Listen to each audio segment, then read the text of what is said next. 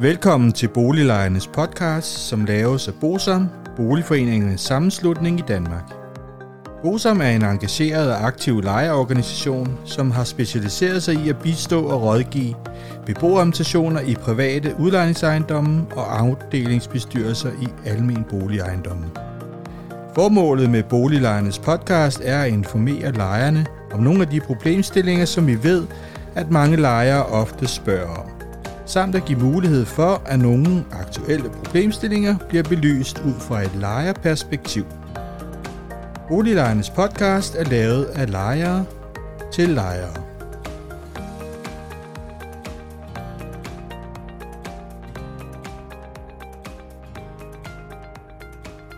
Velkommen til Boliglejernes podcast. Mit navn er René Sur, og jeg arbejder i Bosom. I dag skal vi igen tale om Frederiksberg Boligfond, og det er jo serien Frederiksberg Boligfond, og vi er kommet til afsnit 13, og det har fået titlen Salg af ejendommen. Og det, man kan jo kalde det lidt, at det er en opfølgning på sidste uges podcast, hvor det handlede om regnskabet for 2021. Som I kan huske, så stod der jo i regnskabet, at man ligesom havde planer om at sælge en til fire ejendomme, og det var, hvad vi vidste i sidste uge. I denne her uge, så er der jo kommet en pressemeddelelse for formandskabet, og det er Flemming Brank og Pelle Dragsted, som har udsendt en pressemeddelelse omkring den her beslutning, og der får vi nogle flere informationer. Derudover så har der været nogle artikler i børsen, som jeg også lige vil fortælle lidt om, og så har jeg nogle kommentarer til sidst. Hvis vi forholder os til pressemeddelelsen, så kan vi se, at Formandskabet fik mandat til at sælge Svalegården, samt til at indhente tilbud på op til tre af de skødefri ejendomme. Og det er Sønderjyllandsgården, Roskildegården og Solbjerggården. Et salg af en eller flere af de sidstnævnte skal dog godkendes af bestyrelsen. Bestyrelsen er enige om, at der kun skal sælges det, der er absolut nødvendigt for, at fonden kan fortsætte og svare sine forpligtelser, indtil Svalegårdssagen er afgjort, og fonden får sine økonomiske frihed tilbage. Det vil sige, nu har vi altså fået sat navne på de indtil fire ejendomme, man har planer om måske at sælge. Og det vi kan se, det er, at bestyrelsen har besluttet at sælge Svalegården, og hvis man skal sælge de tre andre ejendomme, der er i spil, så skal der altså være en ny bestyrelsesbeslutning. Derudover kan vi også se af presmeddelelsen, at de muligheder, der afsøges, det er, at man forsøger at afhænde en eller flere ejendomme til et nyt eller eksisterende almindeligt boligselskab, eller til Frederiksberg Kommune. Og Frederiksberg Kommune er ude af ligningen, for de må ikke købe det tilbage, det er kommunalfuldmagt. Og så er der også andre købere i spil, og der nævner de pensionsselskaber, og det var jo også det, jeg nævnte i sidste afsnit. Det er jo nok PFA, der er i spil, fordi at de har jo været inde i billedet før. Derudover så kommer de ind på baggrunden af beslutningen, og der er det jo, som alle lyttere af den her podcast vil vide, at der er noget afdragsfrihed, som er udløbet, det vil sige, at man skal til at afdrage på sine lån, og på grund af den sag, der kører i Københavns Byret, så kan man ikke få omlagt det til nye 10 års afdragsfrihed. Og det betyder, at man løber tør for likvider. Det er der sådan set ikke noget nyt i. De forholder sig også til, at udviklingen i renten betyder, at swap-aftalerne ikke længere er så en stor belastning for økonomien. Det var også det, vi forholdt os til sidste gang. Men øh, der, hvor det bliver spændende, så er det, at de skriver, at fonden har forsøgt flere gange at række ud til sagsøgerne fra Svalegården for at indgå et forlig, som kunne afslutte sagen, og har blandt andet tilbudt at betale sagsomkostninger og at garantere Svalegården mod salg. Men sagsøgerne har afvist tilbudene og har krævet en økonomisk kompensation på 20 millioner kroner. Og der skriver de, at dette krav kan fonden ifølge den uafhængige juridiske rådgivning, som fonden har modtaget, ikke imødekomme inden for de fondsretlige regler, hvilket fonden har meddelt sagsøgerne. Sagsøgerne fastholdt den deres afvisning af et forlig uden økonomisk kompensation. Og så mener fonden, at forlisvejen desværre er lukket. Derudover så har fonden afsøgt alle muligheder for at få vores bank til at låne fonden penge, eller frigive nogle af de øh, midler, der er bundet. Det var de der nogle 90 millioner, som jeg fortalte om sidste gang, som var bundet i operationer og som lå som garanti for fondens gæld. Og de skriver også, at banken kan ikke hjælpe os, så længe at retssagen ikke er afsluttet. Det, som er interessant, det er, at der har jo så været to artikler i børsen. Den ene var mandag den 4. juli, og den anden var tirsdag den 5. juli. Og af de artikler fremgår det, at ejendommen, altså Svalgården, er vurderet til 275 millioner. Vi kan også se, at Pelle Dragsred siger, at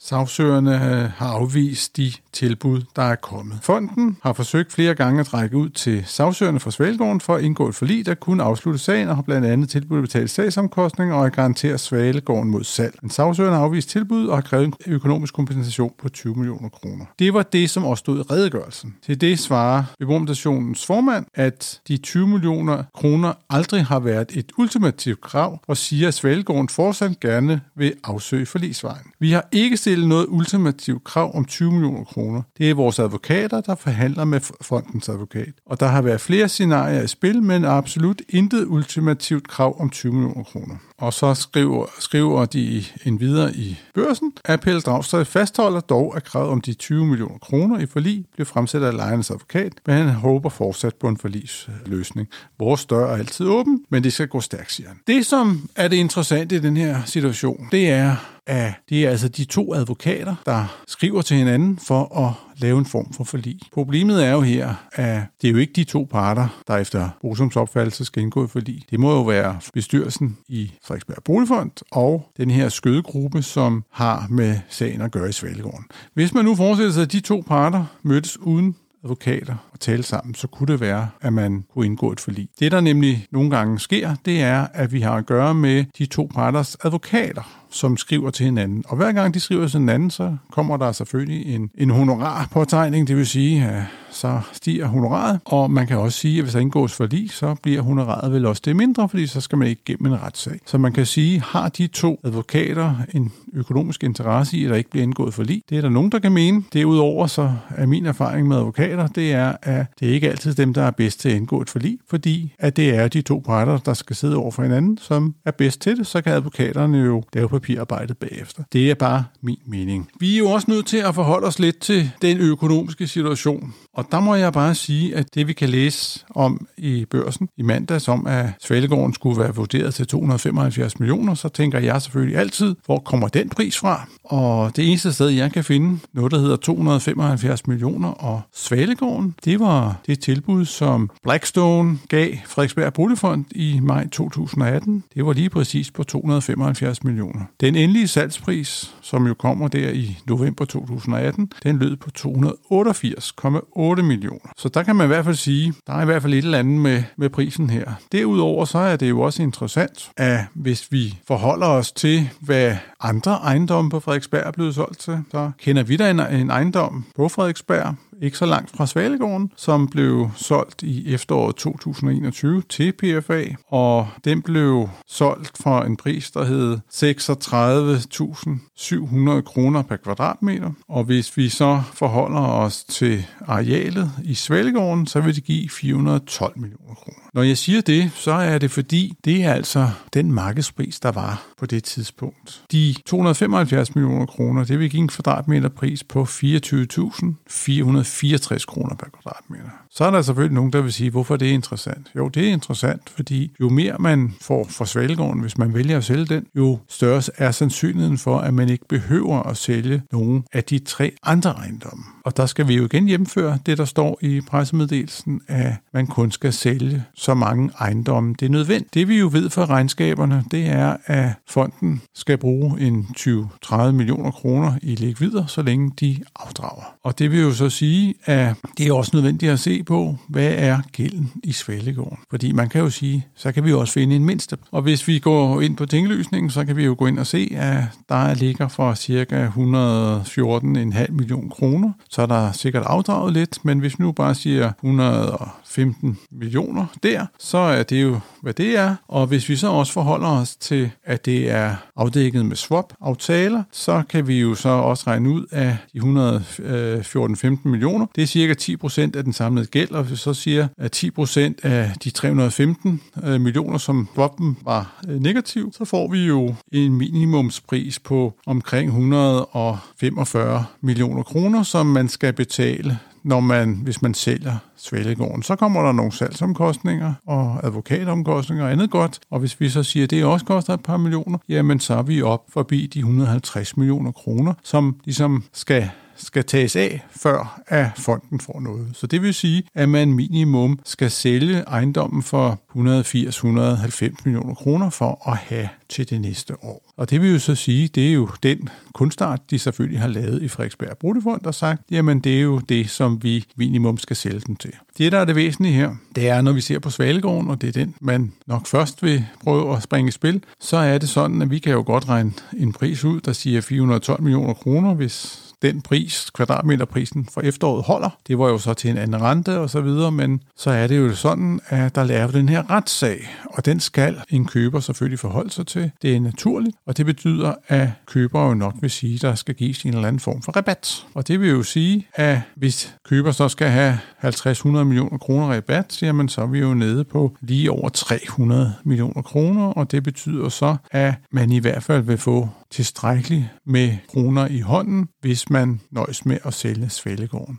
Man kan så sige, hvis den kommer længere ned, så kan man jo så sige, så skal Frederiksberg Boligfond jo selvfølgelig finde ud af med sig selv, om det kan betale sig at sælge, eller hvad man vil gøre. Og man skal også forholde sig til jo paragraf 100 i lejeloven, fordi der er det jo sådan, at der, det udløser jo en tilbudspligt, og man kan jo sige, hvis vi nu forestiller sig, at man får solgt den til 200 millioner kroner, så er det jo en billig ejendom, og så vil jeg da anbefale beboerne i Svalegården til at forsøge igen og se, om de kunne stifte en andelsboligforening, fordi så bliver den jo lige så billig som Peter Banks hus. Men nok om det, det ved vi jo ikke noget som helst om, men jeg prøver bare at sige, at det er selvfølgelig nogle af de overvejelser, de har gjort sig i Frederiksberg Boligfonds bestyrelse, fordi det er jo vigtigt, at de finder ud af det. Jeg går ud fra, at de har siddet og kigget på likviditetsbudgetter og, og belåning og alt muligt andet, så de ved fuldstændig de nøjagtige tal.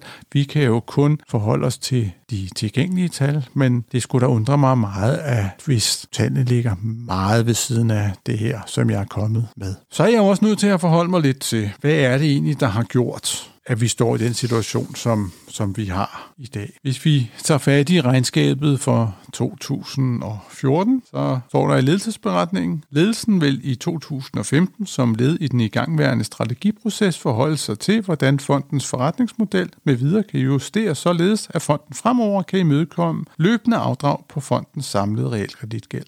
Det blev så gentaget i 2015. I 2016 der skrev man, ledelsen har som led i den gangværende strategiproces anmodet en ekstern rådgiver om at udarbejde en analyse af fondens økonomi, således at bestyrelsen får et fyldskørende grundlag for at forholde sig til, hvordan fondens forretningsmodel med videre kan justeres således, at fonden fremover kan imødekomme løbende afdrag på fondens samlede realkreditgæld samt vedligeholdelsesforpligtelser. Og i 2017, og det er jo så godkendt i 2018. I forbindelse med den igangværende strategiproces har ledelsen det seneste år fået udarbejdet en analyse af fondens økonomi samt en oversigt på ejendomsniveau med hensyn til muligheder for øget indtjening. På baggrund heraf har bestyrelsen et fyldsgørende grundlag for at forholde sig til, hvordan fondens forretningsmodel med videre kan justeres således, at fonden fremover kan imødekomme de løbende afdrag på fondens samlede realkreditgæld samt vedligeholdelsesforpligtelser. Den endelige strategi forventes færdiggjort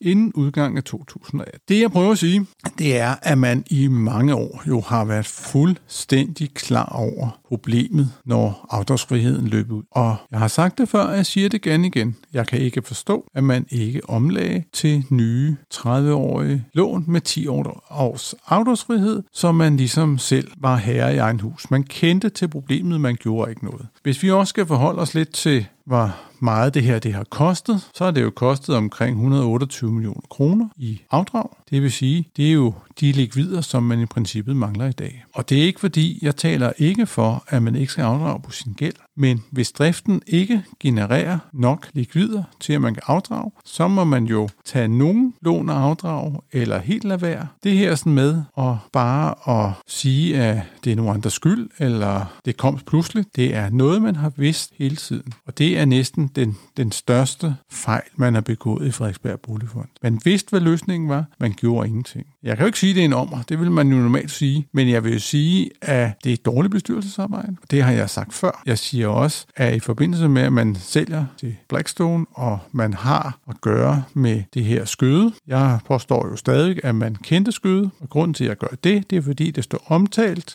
i den jubilæumsbog, som Frederiksberg Boligfond selv har udgivet i 2005 i forbindelse med 75 års jubilæet. Så derfor er det gængsviden, og hvis det ikke var det, ja, så ved jeg ikke. Man har selv udgivet en bog, og så har man simpelthen ikke læst det, man selv har udgivet. Det, det, det, det, det, det, det er for ufatteligt for mig. Det er det, vi sådan set ved lige nu med hensyn til situationen i Frederiksberg Boligfond. Vi vil selvfølgelig komme tilbage med en ny podcast, når vi ved noget mere. Vi prøver også at se, om vi kan få nogle af de centrale aktører ind i studiet til et lille interview. Det kunne også være skægt. Vi må se, hvad der sker her i løbet af sommeren. Indtil da, så må I jo have det godt. Det har været hyggeligt. Hej hej.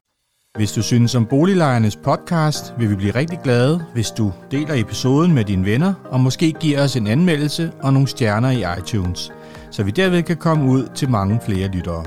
Oplysningerne i denne podcast er udtryk for vores opfattelse af retsstillingen på nuværende tidspunkt.